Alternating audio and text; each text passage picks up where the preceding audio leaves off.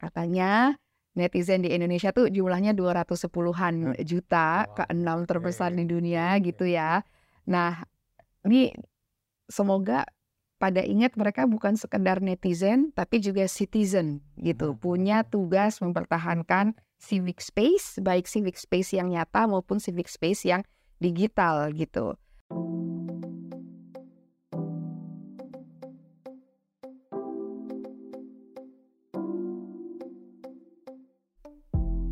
Halo Sobat HI, jumpa lagi kita di podcast Hubungan Internasional yang dikelola oleh Departemen Ilmu Hubungan Internasional Universitas Gajah Mada. Senang sekali saya, Diah Kusumaningrum, menemani Sobat HI di episode kita kali ini soal aktivisme digital. Bersama saya sudah ada Muhammad Fajar, Research Fellow dari Institute of Advanced Research Universitas Katolik Atmajaya.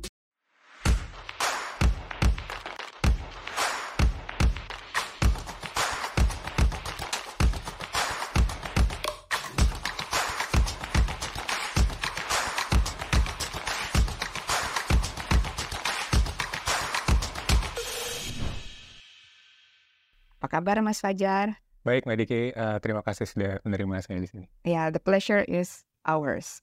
Mas Fajar, ini kita mulai dengan pengantar singkat gitu ya Mhm, buat. Sobat HI.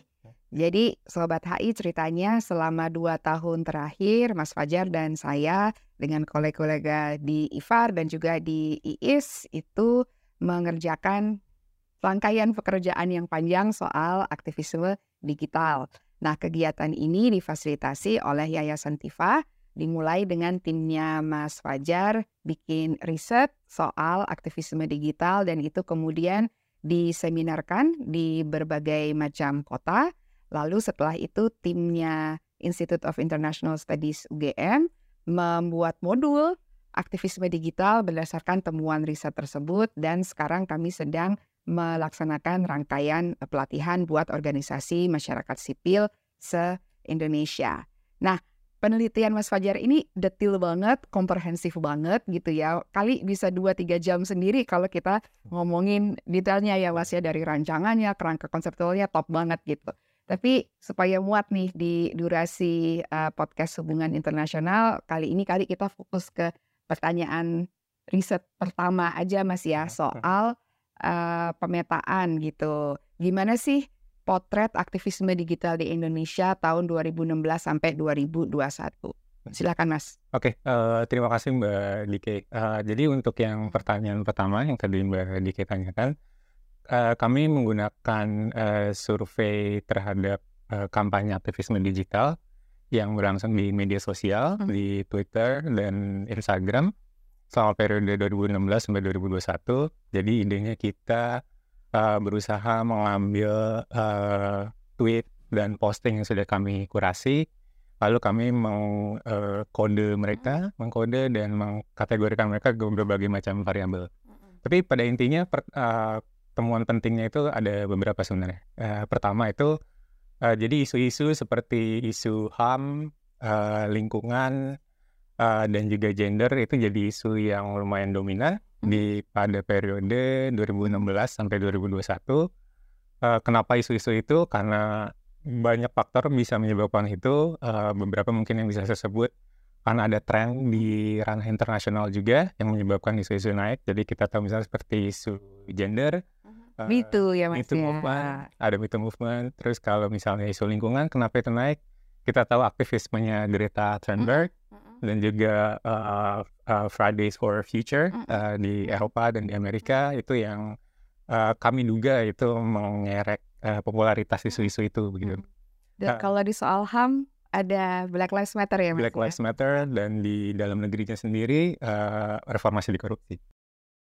Uh, temuan yang kedua itu adalah uh, kami berhasil memetakan bahwa sebenarnya publik uh, dan pemerintah itu jadi target utama Mhm. dari kampanye aktivisme digital organisasi masyarakat sipil.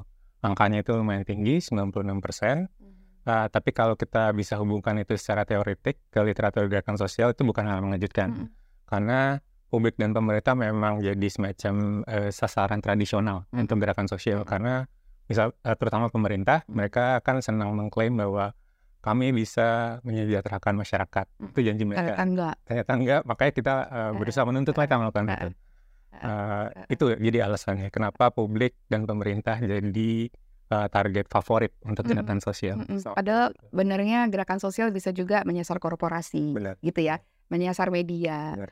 menyasar kampus Benar. misalnya. Tapi lagi-lagi pemerintah dan Iya, publik gitu. iya, iya. Monggo mas.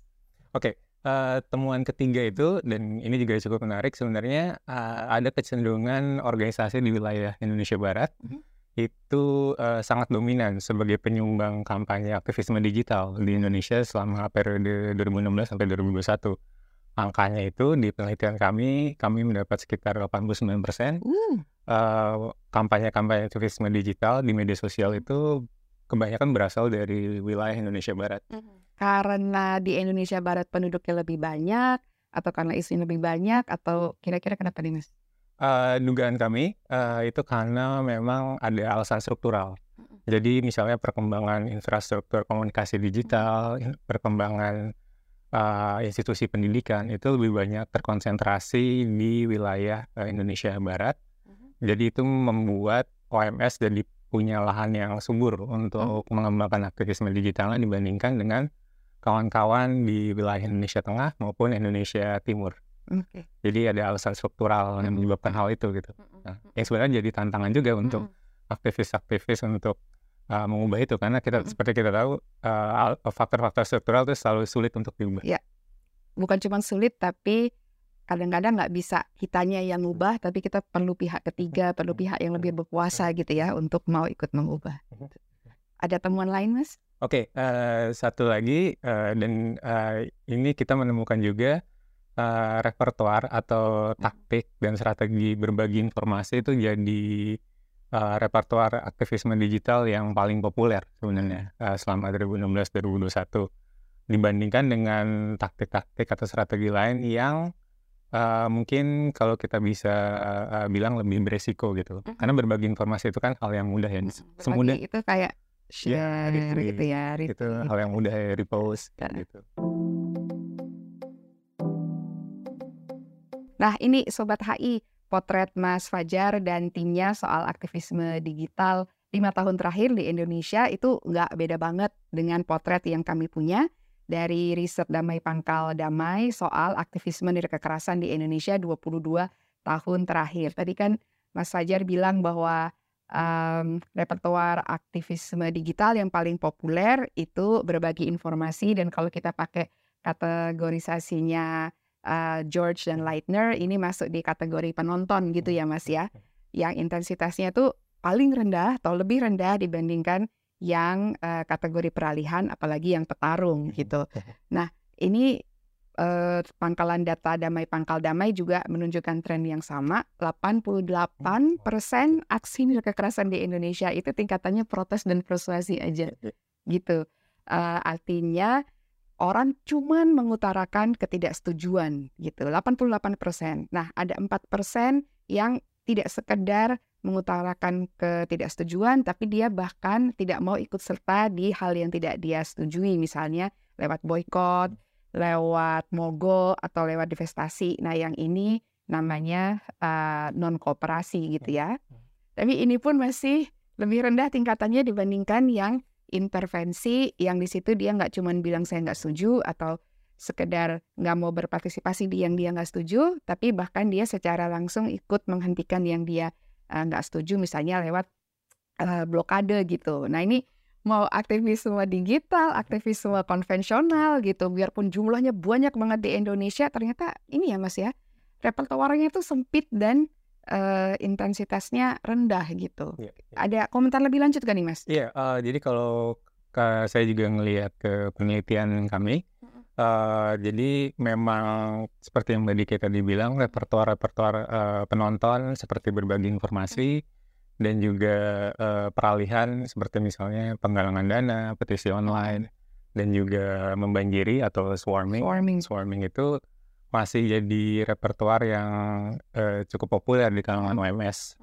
Nah, eh, PR-nya eh, seperti yang tadi Mbak Dike bilang, bagaimana sih menerjemahkan dari aksi yang sifatnya daring ini menjadi aksi eh, luring gitu. Mm-mm. Eh, karena kita tahu itu bukan uh, pilihan gitu ya. Kalau Mhm. di literatur gerakan sosial dua-duanya itu sama-sama uh, jadi hal yang penting gitu.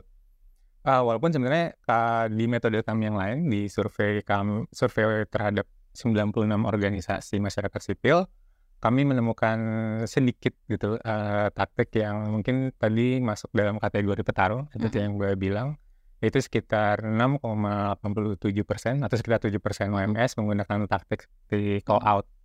Uh, kita tahu di Twitter atau di Instagram itu uh, lumayan populer, tapi untuk PMS itu kurang banyak digunakan gitu. Mungkin karena pertimbangan risiko. ya nanti dibilang kriminal, Kriminal. dibilang nyebar hoax gitu ya, Mas. Pencemaran nama baik. Pencemaran nama Gitu. baik itu Nah, dia.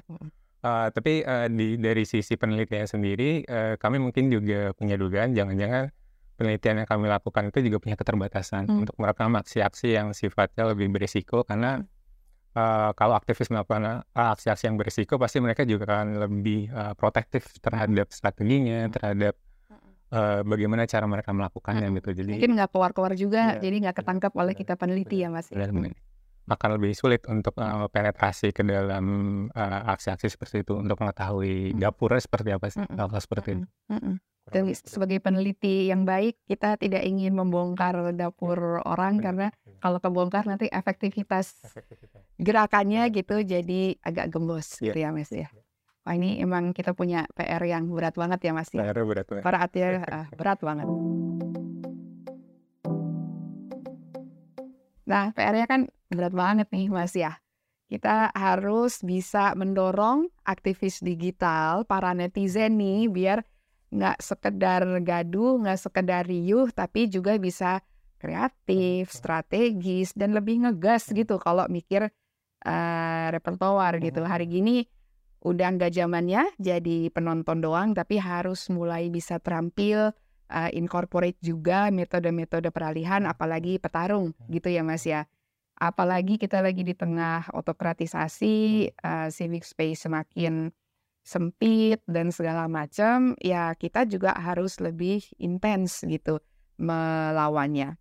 Nah, buat Mas Fajar, apa nih tantangan utama yang harus dilampaui oleh eh, OMS gitu, Em, atau individu-individu juga gitu yang tergabung dalam eh, OMS eh, utamanya supaya mereka bisa punya kapasitas digital yang Hmm. lebih sesuai dengan tuntutan zaman sekarang.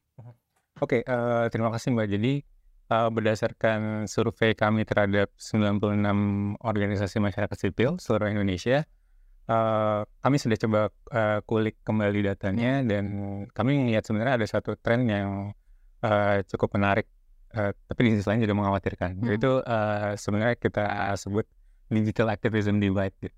Oke. Jadi ada kesenjangan kapasitas organisasi masyarakat sipil di wilayah Indonesia Barat Mhm. eh, versus eh, OMS di tengah dan timur. Oke. Nah, eh, beberapa aspeknya itu adalah eh, seperti ini. Jadi misalnya di OMS di wilayah Barat, tengah dan timur itu sebenarnya sama-sama memiliki kapasitas yang lemah dalam Hmm. melakukan eh, aktivisme digital, eh, terutama misalnya seperti mereka nggak punya panduan tertulis Oke. dalam eh, melakukan aktivisme digital. Nggak ada SOP-nya gitu ada ya. SOP tertulis. eh. Ya, eh, itu beda misalnya kalau kita bandingkan dengan eh, kampanye digital yang dilakukan seperti eh, marketing agency, Hmm. mereka punya hal-hal seperti itu gitu, Hmm. dan itu yang membuat makanya eh, konten-konten yang mereka produksi mungkin lebih efisien, lebih efektif menjangkau eh, peserta gitu. Terus hal lain mereka juga sama-sama eh, punya kelemahan dalam eh, penggunaan VPN. Hmm. Nah, padahal itu hal yang penting kita lakukan untuk mencegah uh, berbagai sarana Mm. digital gitu. Nah, itu uh, kesamaan kelemahan antara OMS di wilayah barat, tengah dan timur. Nah, tapi digital uh, activism divide-nya itu sebenarnya yang menarik adalah uh, pertama ada kesenjangan kapasitas organisasi antara OMS di wilayah barat uh, dan OMS di wilayah tengah dan timur, terutama dalam membuat konten aktivisme daring Oke. uh, wi- di wilayah barat mereka lebih punya kemampuan uh, melakukan itu jadi mengemas uh, pesan yang menarik Mhm. uh, punya apa punya panduan uh, punya target audience mapping dulu sebelum melakukan kampanye uh, dan itu hal yang jarang dimiliki OMS di wilayah tengah dan timur Mhm. Uh, jadi kita lihat tuh kesenjangan Mhm. padahal uh, ya media sosial semua menggunakan tapi kita tahu itu nggak sekedar nge-tweet, nggak sekedar nge-post doang gitu sebenarnya. Itu yang membuat misalnya satu tweet atau post mungkin bisa disukain lebih banyak dibanding yang lain.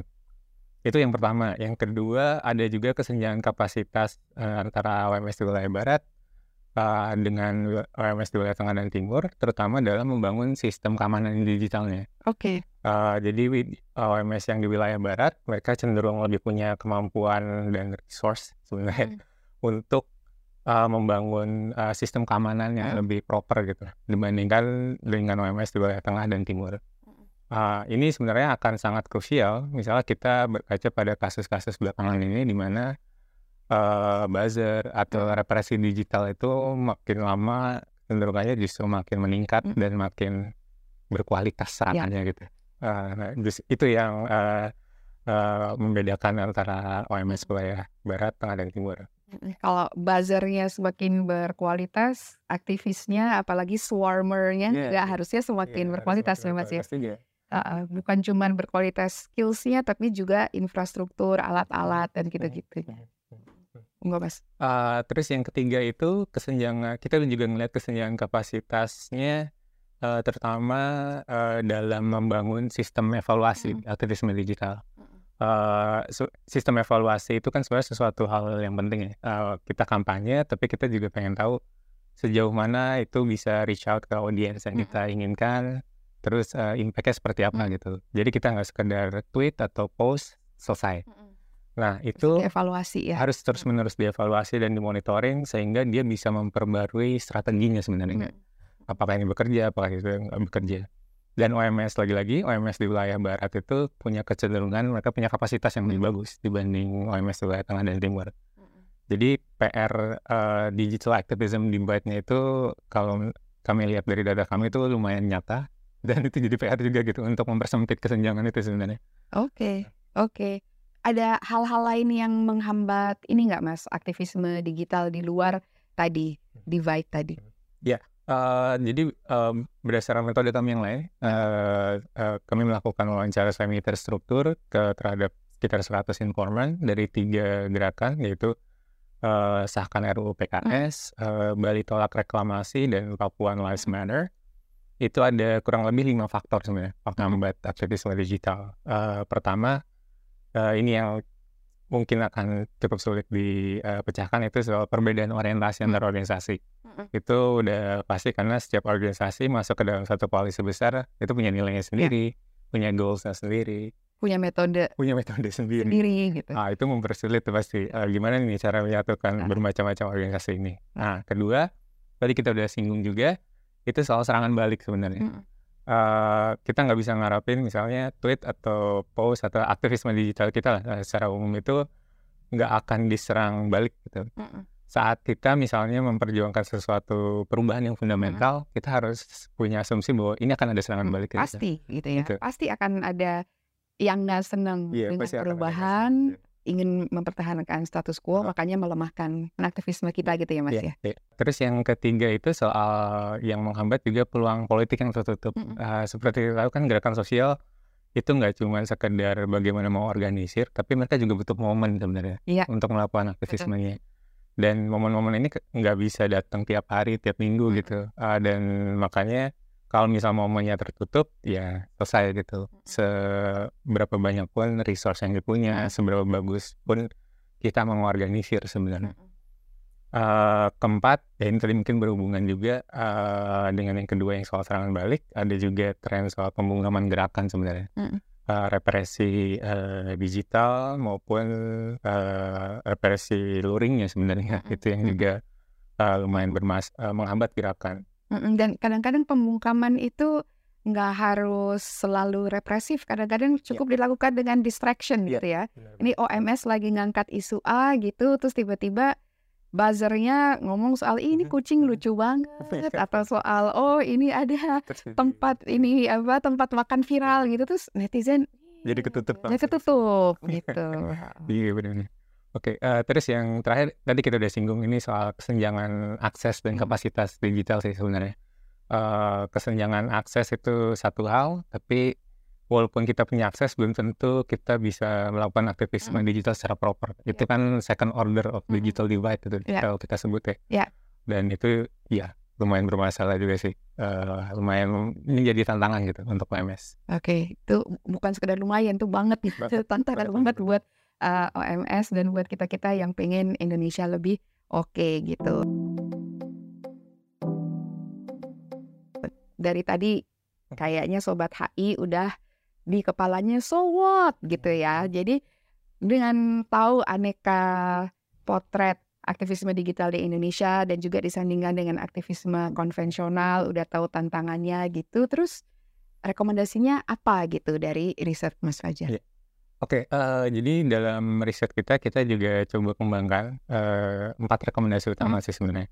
Uh, pertama itu uh, soal kap, uh, peningkatan kapasitas menavigasi ekosistem digital.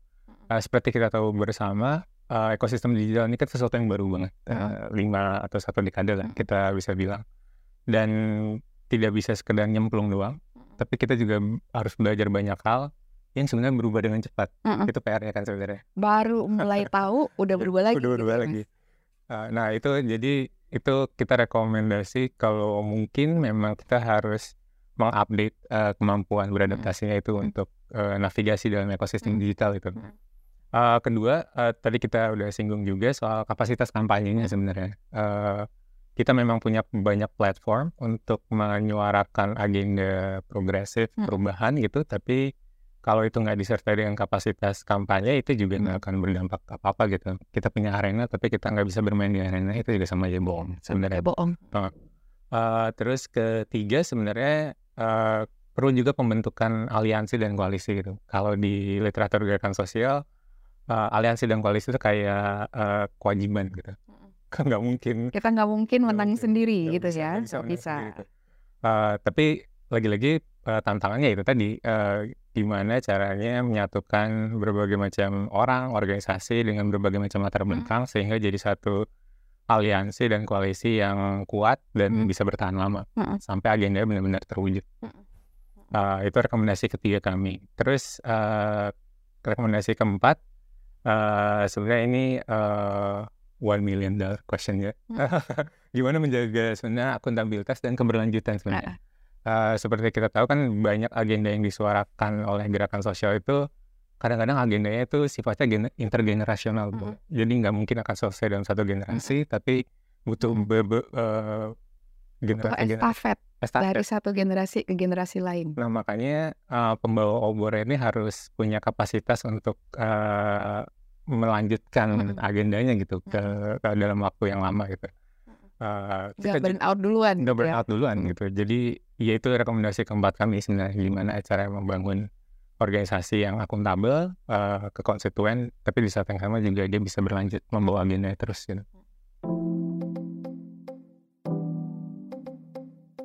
tadi uh, tertarik juga Mbak uh, Mbak Dike udah menyinggung soal apa rekomendasi ini dan ini sebenarnya kan bagiannya Mbak Dike ini.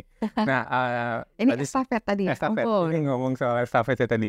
Uh, dalam berbagai macam uh, kegiatan yang udah uh, kami lakukan dalam riset kami itu, Mbak Dike kan berusaha menerjemahkan itu ke dalam hmm. berbagai macam aksi, hmm. program, uh, strategi kan ya. Hmm Uh, kira-kira Mbak Dike bisa cerita sedikit nggak proses penerjemahannya itu? Saya sangat tertarik ah, ada orang yang berusaha menerjemahkan riset kami ke dalam sesuatu yang lebih konkret gitu. Oke, okay, itu wajib sih ada ada riset sekomprehensif itu. Kalau cuma berhenti jadi laporan sayang. Jadi ini untungnya uh, ada kesempatan gitu ya dan ada sumber daya untuk bikin modul berdasarkan riset itu dan kemudian bikin rangkaian uh, pelatihannya gitu. Nah, ada beberapa yang jadi apa ya pegangan kami waktu menerjemahkan riset itu ke modul dan ke pelatihan gitu. Pertama, kami pengen banget mengenalkan ke warga Indonesia, ke netizen Indonesia bahwa aktivisme digital itu bentuknya beragam banget gitu. Masa sih 90-an persen aktivis digital di Indonesia tuh repertoarnya terbatas cuman pengetuk, penggaung dan penyuara gitu ya. Tiga-tiganya ada di intensitas paling rendah gitu. Tapi orang bisa bilang gelasnya separuh penuh atau separuh kosong hmm. gitu. Kabar baiknya kalau selama ini baru jadi penggaung, uh, pengetuk dan penyuara, artinya masih ada banyak pilihan repertoar yang bisa digunakan oleh uh, aktivis digital, digital gitu ya. Di tingkat peralihan ada pemboikot, pengisi petisi, Hmm. ada penggalang dana dan juga swarming gitu. Mhm. Kita mencoba menerjemahkannya penggeruduk gitu, tapi ini penggeruduk yang positif ya, guys gitu. Nah, di tingkat petarung ada penyedia data, ada pembongkar informasi dan ada peretas. Jadi kami tuh pengen em, teman-teman yang sudah melakukan banyak aktivisme digital gitu berefleksi gitu. Eh, Jangan-jangan ada bentuk-bentuk lain yang bisa juga dia inkorporasikan ke strategi dia gitu supaya tujuannya lebih mudah tercapai gitu. Nah kedua kami eh, pengen orang tuh nggak lupa bahwa aktivisme digital dan aktivisme konvensional tuh nyambung banget gitu. Tadi kan Mas Fajar sempat bilang gimana nih supaya aktivisme digital itu kemudian tumpah ke luring gitu ya dan juga sebenarnya dari gimana yang luring bisa diperkuat dengan yang eh, digital gitu.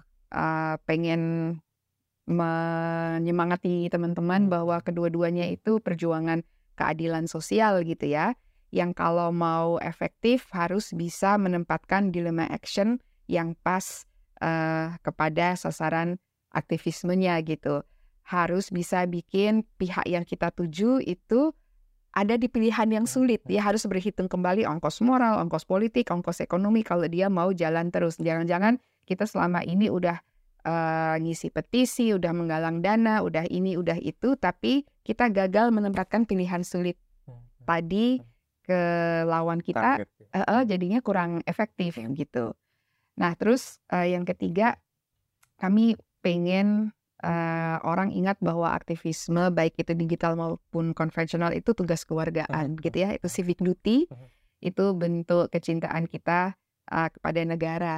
Katanya netizen di Indonesia tuh jumlahnya 210-an juta, Wow. keenam terbesar Oke. di dunia gitu ya. Nah, ini semoga pada ingat mereka bukan sekedar netizen tapi juga citizen gitu punya tugas mempertahankan civic space baik civic space yang nyata maupun civic space yang digital gitu. Nah semoga nih netizen Indonesia yang kayaknya punya waktu dan Hmm. kreativitas tinggi itu bisa pivoting supaya waktu dan kreativitas itu nggak cuma dipakai buat uh, apa ya berselancar di dunia digital buat kepentingan sendiri beli barang browsing ini itu healing digital dan segala macam tapi uh, waktu dan kreativitasnya bisa juga dipakai buat menyumbang ke urusan-urusan uh, kewargaan gitu ya. Karena ya aktivisme itu sekali lagi tugas kewargaan dan negara juga jangan sensi dikit-dikit yang uh, dikit-dikit mengkriminalisasi orang yang punya suara berbeda gitu. Suara yang berbeda itu ada karena kecintaan kita sebagai warga ya gitu, bukan karena kita ingin merusak, merusuh dan yang lain-lain. Ya, gitu sih Mas. Nah, eh, aku juga sempat lihat eh, modul yang udah Mbak buat gitu ya eh, tentang eh, apa tentang aktivisme di pelatihan aktivisme digital ini.